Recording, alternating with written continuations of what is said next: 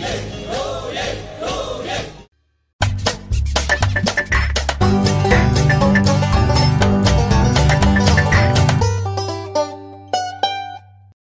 ိဘပြည်သူများအားလုံးမင်္ဂလာပါလို့ PPTV ဖွဲ့သားတွေကနှုတ်ခွန်းဆက်သလိုက်ပါတယ်။ပတ်စဉ်တင်ဆက်ပေးနေကြဖြစ်တဲ့သတင်းလားဂျင်လားအစီအစဉ်ကနေပြန်လည်ကြိုဆိုပါရစေ။ဒီတစ်ပတ်မှာလည်းအင်တာနက်တွေပေါ်မှာပြန့်နှံ့ခဲ့တဲ့သတင်းအမှားတွေထဲမှာမှတက်ရောက်မှုကြီးတဲ့သတင်းအမှားတွေကို အချက်လက်စစ်စစ်ပြီးသတင်းအမှားဖြစ်ကြောင်းအသိပေးသွားအောင်မှာဖြစ်ပါတယ်။ဒီတစ်ပတ်ပြောပြပေးခြင်းတဲ့သတင်းအမှားအကြောင်းအရာတွေကတော့အကြံဖက်စစ်ကောင်စီကဖမ်းဆီးခဲ့တဲ့မြောက်တကုံမြို့နယ်ကကိုဗစ်တိုက်ဖျက်ရေးမှာပါဝင်ကုသပေးနေတဲ့စစ်တနဝန်ထမ်းဆရာဝန်9ဦးဟာကိုဗစ်လူနာတဦးကိုငွေကျပ်10သိန်းကနေ15သိန်းတောင်းနေဆိုပြီးစက်ကောင်စီထောက်ခံသူတွေကပုံဖြတ်ဝါဒဖြန့်နေတဲ့သတင်းမှာကြောင်းဂျပန်နိုင်ငံအစိုးရကမြန်မာနိုင်ငံမှာရှိတဲ့ကုလသမဂ္ဂစီမံကိန်းဝန်ဆောင်မှုများယုံ UNOPS ကနေတဆင့် အောက်ဆီဂျင်စက်တွေနဲ့လူနာတင်ရင်တွေထောက်ပံ့မှုကို NASA ကအစိုးရကိုဂျပန်အစိုးရကပေးရလှူဒန်းနေဆိုပြီးစစ်ကောင်စီအပိထောက်ခံသူတွေကပုံဖြတ်လွှင့်နေတဲ့သတင်းမှအကြောင်းအရာနဲ့လက်ရှိမြန်မာနိုင်ငံမှာဖြစ်ပွားနေတဲ့ COVID-19 ပိုးဟာအကောင်ကြီးတဲ့အတွက်သုံးပေกว่าဆိုရင်လေတွေကပြုတ်ကျသလိုရေမြများတောက်ရင်သေဆုံးနေဆိုပြီးပြက်နေတဲ့သတင်းမှအကြောင်းအရာတို့ပဲဖြစ်ပါတယ်။အရင်ဆုံးပြောပြပေးခြင်းတဲ့သတင်းမှအကြောင်းအရာကတော့ အကြမ်းဖက်စစ်ကောင်စီတပ်သားတွေရဲ့ဖမ်းဆီးတာခံခဲ့ရတဲ့မြောက်တကုံမြို့နယ်ကစေတနာဝန်ထမ်းဆရာဝန်9ဦးဟာကိုဗစ်လူနာတွေကိုဝေကျက်10သိန်းကနေ15သိန်းထိတောင်းပြီးတရားမဝင်ကုသပေးနေတဲ့ CDM ဆရာဝန်တွေဖြစ်တဲ့အတွက်ဖမ်းဆီးခဲ့တယ်ဆိုပြီးစစ်အုပ်စုထောက်ခံသူတွေကပုံဖြတ်ပြီးတော့ဖြတ်နေတဲ့သတင်းမှကြောင်းရပဲဖြစ်ပါတယ် အချက်လက်စစ်စစ်ကြီးလိုက်တဲ့အခါမှာတော့ဒီဖမ်းဆီးခံခဲ့ရတဲ့ဆရာဝန်9ဦးဟာမြောက်တကုံမြို့နယ်မှာဖွင့်လှစ်ထားတဲ့ COVID-19 ကာကွယ်ရေးနဲ့ပြည်သူ့အကျိုးပြုအဖွဲ့ရုံးကစေတနာဝန်ထမ်းဆရာဝန်တွေဖြစ်တဲ့ဒေါက်တာမင်းကျော်စွာကောင်ဒေါက်တာကိုကိုဦးဒေါက်တာသူရ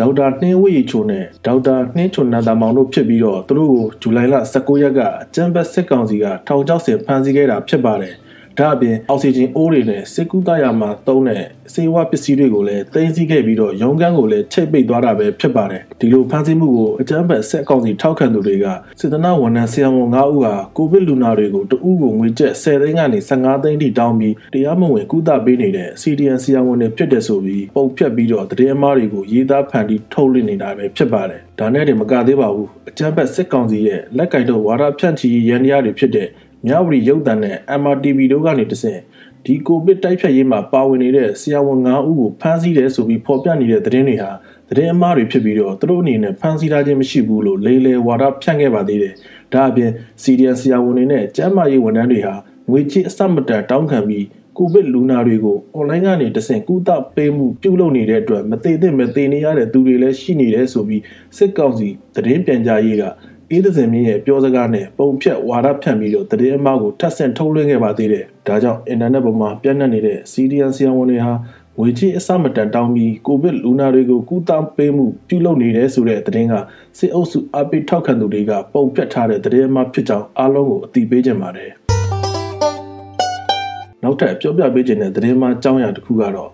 ဂျပန်နိုင်ငံအစိုးရကအောက်ဆီဂျင်စက်တွေနဲ့လူနာတင်ရင်တွေကိုမြန်မာနိုင်ငံမှာရှိတဲ့ကုလသမဂ္ဂစီမံကိန်းဝန်ဆောင်မှုများရုံးကနေတဆင့်လှူဒန်းမှုကိုဂျပန်အစိုးရက NASA ကအစိုးရကိုလှူဒန်းနေဆိုပြီးအကြမ်းဖက်စက်ကောင်စီထောက်ခံသူတွေကပုံဖြတ်ဝါဒဖြတ်နေတဲ့သတင်းမှအကြောင်းအရာပဲဖြစ်ပါတယ်ဒီသတင်းကိုအကြမ်းဖက်စက်ကောင်စီအားပေးထောက်ခံနေကြတဲ့အကောင့်တွေစာမျက်နှာတွေနဲ့ group တွေမှာရေးသားဖြန့်ဖြူးနေကြတာဖြစ်ပါတယ်တကယ်တော့ဂျပန်အစိုးရကအကြမ်းဖက်စက်ကောင်စီကိုလှူဒန်းခဲ့တာလုံးဝမဟုတ်ပါဘူး မြန်မာနိုင်ငံဆိုင်ရာဂျပန်တန်ယုံနဲ့သတင်းမီဒီယာလုပ်ငန်းစဉ်တိုင်းရေးသားထုတ်ဝေနေကြတဲ့သတင်းဌာနတွေမှာဖော်ပြထားတာကတော့ဂျပန်အစိုးရကမြန်မာနိုင်ငံရှိကိုဗစ်လူနာတွေအတွက် အောက်ဆီဂျင်ကွန်စန်ထရေတာအလုံးရေ900ကိုကုလသမဂ္ဂစီမံကိန်းဝန်ဆောင်မှုများယုံ UNOPS မှတဆင့်ထောက်ပံ့သွားမယ်လို့ဖော်ပြထားတာဖြစ်ပြီးတော့အကြမ်းဖက်စစ်ကောင်စီအားပေးထောက်ခံသူတွေပြောဆိုရေးသားနေကြသလို NASA ကအစိုးရကိုလှူဒန်းနေဆိုတဲ့စကားလုံးတစ်လုံးမှမပါဝင်ပါဘူးဒါကြောင့်အကြမ်းဖက်စစ်ကောင်စီအားပေးထောက်ခံသူတွေရေးသားဖြန့်ဖြူးနေကြတဲ့ဂျပန်နိုင်ငံအစိုးရက NASA ကအစိုးရကို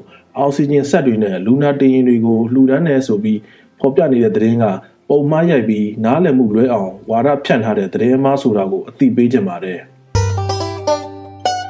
နောက်ဆုံးအနေနဲ့အသိပေးခြင်းတဲ့သတင်းမှာကြောက်ရကတော့လက်ရှိမြန်မာနိုင်ငံမှာဖြစ်ပွားနေတဲ့ COVID-19 virus ပိုးဟာအကောင်ကြီးတဲ့အတွက်၃ပေกว่าမှာပဲလေတွေကနေပြုတ်ကျတယ်ဆိုတာနဲ့ရေများများတောက်ရင် virus ကသေတယ်ဆိုတဲ့သတင်းမှာကြောက်ရပဲဖြစ်ပါတယ် အဲ့ဒီသတင်းမှားဟာ Facebook ပေါ်မှာပြန့်နှံ့နေတာဖြစ်ပြီးတော့တချို့လူတွေကဒါကိုအမှန်တင်ပြီးယုံကြည်နေကြတဲ့အတွက်အချက်လက်စစ်ဆေးပြီးဒါဟာသတင်းမှားဖြစ်တဲ့အကြောင်းကိုအသိပေးရခြင်းဖြစ်ပါတယ်လက်ရှိမြန်မာနိုင်ငံမှာဖြစ်ပွားနေတဲ့ COVID-19 ပိုးဟာအကောင့်ကြီးတဲ့ဆိုတာနဲ့သုံးပေกว่าမှာလေတွေကပြုတ်ကျတယ်ဆိုတာဟာစေးပညာသူတည်တနာမှတ်တမ်းမရှိသလိုအချက်လက်အမှားတွေဖြစ်ပါတယ်ကမ္ဘာ့ကျန်းမာရေးအဖွဲ့ကြီး WHO ရဲ့ website အပါအဝင်သတင်းမီဒီယာတွေမှာလည်းဒီအကြောင်းအရာနဲ့ပတ်သက်ပြီးသတင်းဖော်ပြထားတာမျိုးလုံးဝမရှိပါဘူး ဒါအပြင်သတင်းမှမှဖော်ပြထားတဲ့ရေမြမြတောက်ရင် COVID-19 ပိုးဟာအစာအိမ်ထဲကိုရောက်သွားပြီးသေသွားတယ်ဆိုတာကလည်းမှားယွင်းတဲ့အချက်လက်တွေဖြစ်ပါတယ်။ကိုရိုနာဗိုင်းရပ်စ်အားရေတောက်လို့မသေသလိုရေတောက်ခြင်းကြောင့်လည်းဗိုင်းရပ်စ်ပိုးဟာမကာကွယ်နိုင်ပါဘူး။ ဒီလိုမှားယွင်းတဲ့အချက်လက်တွေဟာနိုင်ငံတကာမှာလည်းပြန့်နှံ့ခဲ့ပြီးတော့ဒီအကြောင်းအရာတွေကို BBC သတင်းဌာနအပါအဝင်သတင်းဌာနတော်တော်များများကနေအချက်လက်စစ်ဆေးပြီးမှားယွင်းတဲ့အကြောင်းတွေဖြစ်တယ်လို့ဖော်ပြခဲ့မှုပါတယ်။ဒါကြောင့် Facebook ပေါ်မှာပြန့်နှံ့နေတဲ့မြန်မာနိုင်ငံမှာဖြစ်ပွားနေတဲ့ကိုဗစ်ပိုးဟာအကောင့်ကြီးတဲ့အတွက်လေထဲမှာ၃ပေကြောင့်ရင်ပြုတ်ကျတယ်ဆိုတာနဲ့ရေတောက်ရင်ကိုဗစ်ပိုးဟာတိတ်ဆုံးတယ်ဆိုတာကအချက်လက်မှားယွင်းတဲ့သတင်းအမှားတွေပဲဖြစ်တယ်ဆိုတာကိုအသိပေးချင်ပါတယ် ကိုရိုနာဗိုင်းရပ်စ်ကနေအကောင်းဆုံးကာကွယ်တဲ့နည်းလမ်းတွေကတော့တခြားသူတွေနဲ့အနည်းဆုံး1မီတာကွာမှနေထိုင်ခြင်း လက်ကိုခဏခဏဆေးကြောခြင်းတွေပဲဖြစ်ပါတယ်အာဟာရမျှတတဲ့အစားအသောက်တွေကိုစားတောက်ခြင်းရေတက်ထိမ့်သိမ်းခြင်းလေ့ကျင့်ခန်းပုံမှန်လုပ်ခြင်းနဲ့ကောင်းမွန်စွာအိပ်ဆက်ခြင်းတွေကလည်းအထွေထွေကျန်းမာရေးအတွက်အထောက်အကူပြုနိုင်တယ်လို့ကမ္ဘာ့ကျန်းမာရေးအဖွဲ့ကြီးကထုတ်ပြန်ထားတာဖြစ်ပါတယ်ဒီတစ်ပတ်အတွက်သတင်းလားဂျန်လားအစီအစဉ်ကိုတော့ဒီမှာပဲရနာခွင့်ပြုပါခင်ဗျာမိဘပြည်သူများအားလုံးဘေးရန်ကင်းကွာကိုယ်စိတ်ကျန်းမာပြီး COVID-19 ကပ်ရောဂါဘေးကြီးကနေကင်းဝေးရှောင်ရှားနိုင်ကြပါစေလို့ PPTV အဖွဲ့သားတွေကဆုမွန်ကောင်းတောင်းပေးလိုက်ရပါတယ်